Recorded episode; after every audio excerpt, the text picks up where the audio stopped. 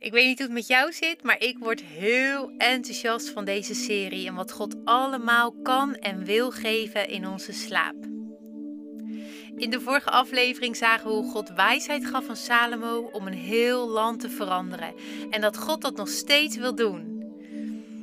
In eerdere afleveringen zagen we ook dat God voorbij ons verstand geeft en mensen geschikt maakt voor uitzonderlijke taken.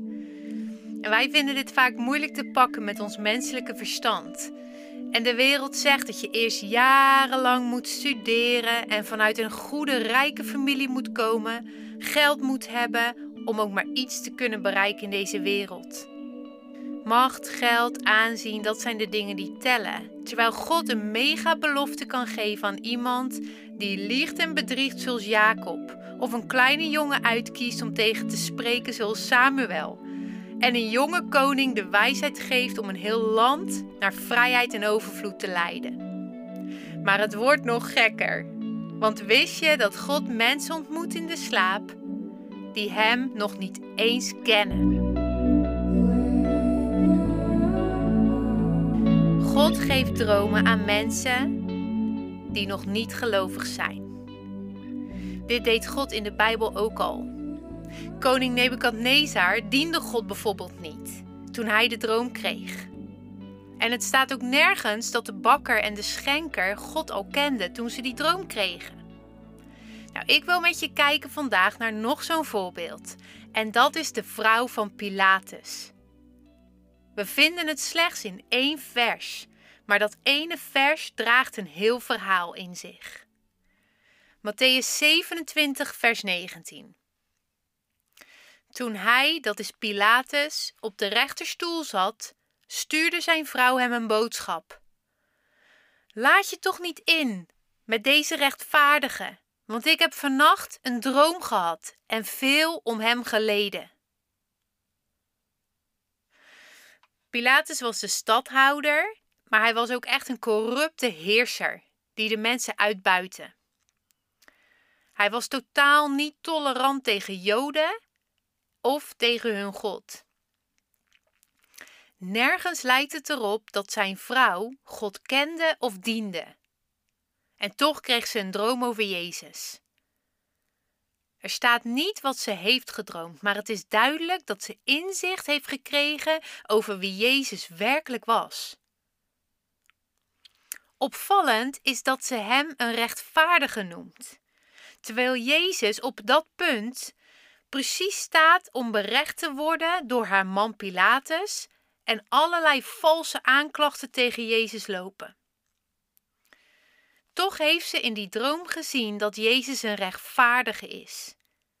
Ze is getrouwd met een man die niks moet hebben van Joden en allesbehalve rechtvaardig is. Ze leeft in een omgeving waar het helemaal niet zoveel uit lijkt te maken wat recht of krom is, maar door de droom is ze plotseling diep geraakt door de onschuld van Jezus.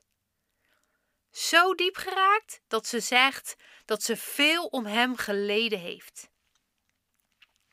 Een andere vertaling zegt dat ze vreselijk verdriet om hem heeft gehad in de droom. Nou, het is duidelijk dat de droom heel heftig was en de vrouw van Pilatus diep geraakt was, tot tranen aan toe.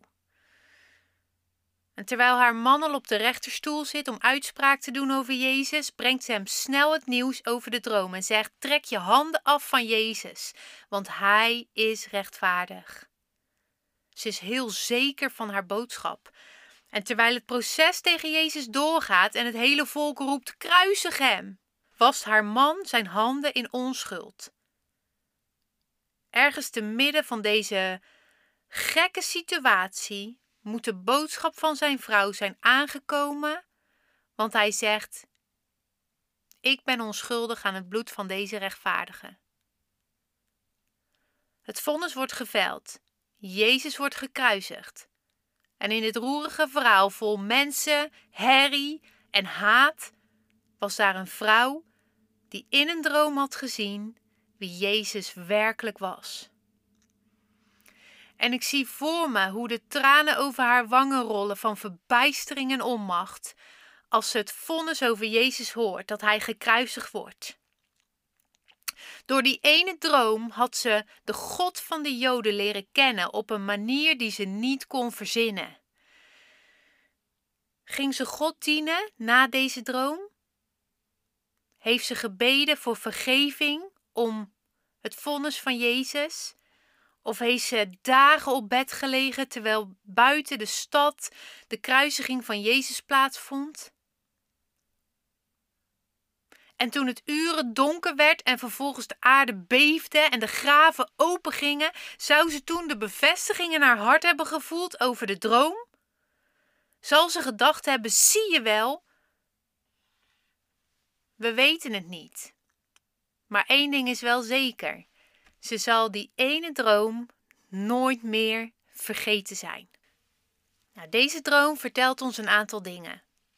Als eerste wordt God niet belemmerd door ongeloof om een droom te geven. Ik geloof persoonlijk dat een ongelovige die op zoek is naar iets wat de weg, de waarheid en het leven is, soms makkelijker te bereiken is voor God dan een christen vol twijfel en religie. Wist je dat er hele groepen boeddhisten en moslims tot Jezus komen omdat ze Hem zien in een droom? En ook in Nederland zijn er mensen die vanuit New Age tot Jezus komen omdat ze Hem ontmoeten in de nacht. Ik ben zelf een voorbeeld daarvan. Het mooie van de nacht is dat de kaders van ons verstand even niet het hoogste woord hebben. Dat maakt het mogelijk voor God om op een hele andere manier te spreken. Goed nieuws toch? Want wanneer je bidt voor een familielid of een vriend die God nog niet kent, bid dan maar dat God zichzelf openbaart in dromen. Daarnaast zien we hoe mooi deze droom uh, God gebruikt om inzicht te geven aan de vrouw van Pilatus. Tijdens de droom neemt God de sluier weg en laat de waarheid zien. Spreuken 8, vers 14 zegt: Bij mij, zegt God, is raad, wijsheid en ik ben inzicht. Jezus is de waarheid en dat weten we. Toch is het niet altijd makkelijk om de waarheid over een bepaald onderwerp of situatie te achterhalen. We kijken als het ware door een sluier die de waarheid soms verhult of verdraait. En we hebben inzicht vanuit de hemel nodig om de dingen te zien zoals ze werkelijk zijn. En God wil dat ons geven, ook in dromen. Een inzichtgevende droom kan je de werkelijkheid laten zien over jezelf, over God of over een situatie. Je krijgt zicht op het grote plaatje en ontdekt hoe dingen met elkaar verbonden zijn. De sluier is opgetild en de waarheid is onthuld. Niet door kennis van het verstand, maar door een ontmoeting met God, die zelf inzicht is. Een prachtige mogelijkheid van God om met Hem samen te werken, juist in een wereld waarin er zoveel wordt gezegd en gedaan, wat juist lijkt, maar in Gods ogen helemaal niet juist is. Of bepaalde dingen waar ook onder christenen zoveel oneenigheid en verschil van mening over bestaat. We hebben inzicht van God nodig in deze tijd. Ik heb het al heel vaak meegemaakt dat God in de nacht liet zien wat er werkelijk aan de hand was, of inzicht gaf ergens over. En het is geweldig. En tegelijk mogen we weten dat God een goede vader is die plannen vol hoop voor ons heeft en ons geluk voor ogen heeft. Natuurlijk wil Hij ons dan laten weten wat we moeten weten over bepaalde zaken. De vraag is dus: geloof jij dat God ook zulke dromen aan jou wil geven?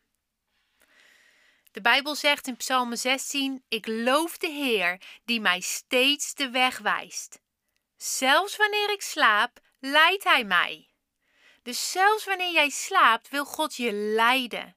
Leiden met wijsheid, inzicht, onderscheid. Wanneer we echt geloven dat God dag en nacht bij ons is en ons ook dag en nacht leidt, dan hoeven we ons nergens zorgen om te maken. Zelfs als we staan voor moeilijke vragen of ingewikkelde situaties. God wil inzicht, wijsheid en leiding geven. En wij mogen leren om het op te merken. Ik krijg vaak vragen van mensen die vertellen een droom te hebben gehad, maar hebben geen idee wat God er doorheen wil zeggen. En als ik luister naar hun droom en een idee krijg wat God zou willen zeggen daardoor, vraag ik vaak: Hey, klopt het dat je de laatste tijd bidt voor dit of dat? Nou, meestal zeggen mensen dan: Nee hoor. Maar als ik even doorvraag, blijkt het bijna altijd zo te zijn dat ze al langer bidden en praten met God over bepaalde situaties. God heeft hen dus geantwoord in een droom. Maar omdat ze dit niet verwachten, hebben ze eigenlijk al besloten hoe God zou moeten antwoorden. En horen ze zijn antwoord in de droom niet. Dat is dus iets wat we mogen afleren. God antwoordt namelijk wel op meer dan één manier. Nou, dit ene vers in de Bijbel met deze droom aan de vrouw van Pilatus vertelt ons zo ontzettend veel. Ik weet zeker dat jij vannacht anders gaat slapen nu jij dit gehoord hebt. Wat voor inzicht heb jij nodig? Waar heb jij wijsheid in nodig? Vraag het aan God en wees opmerkzaam.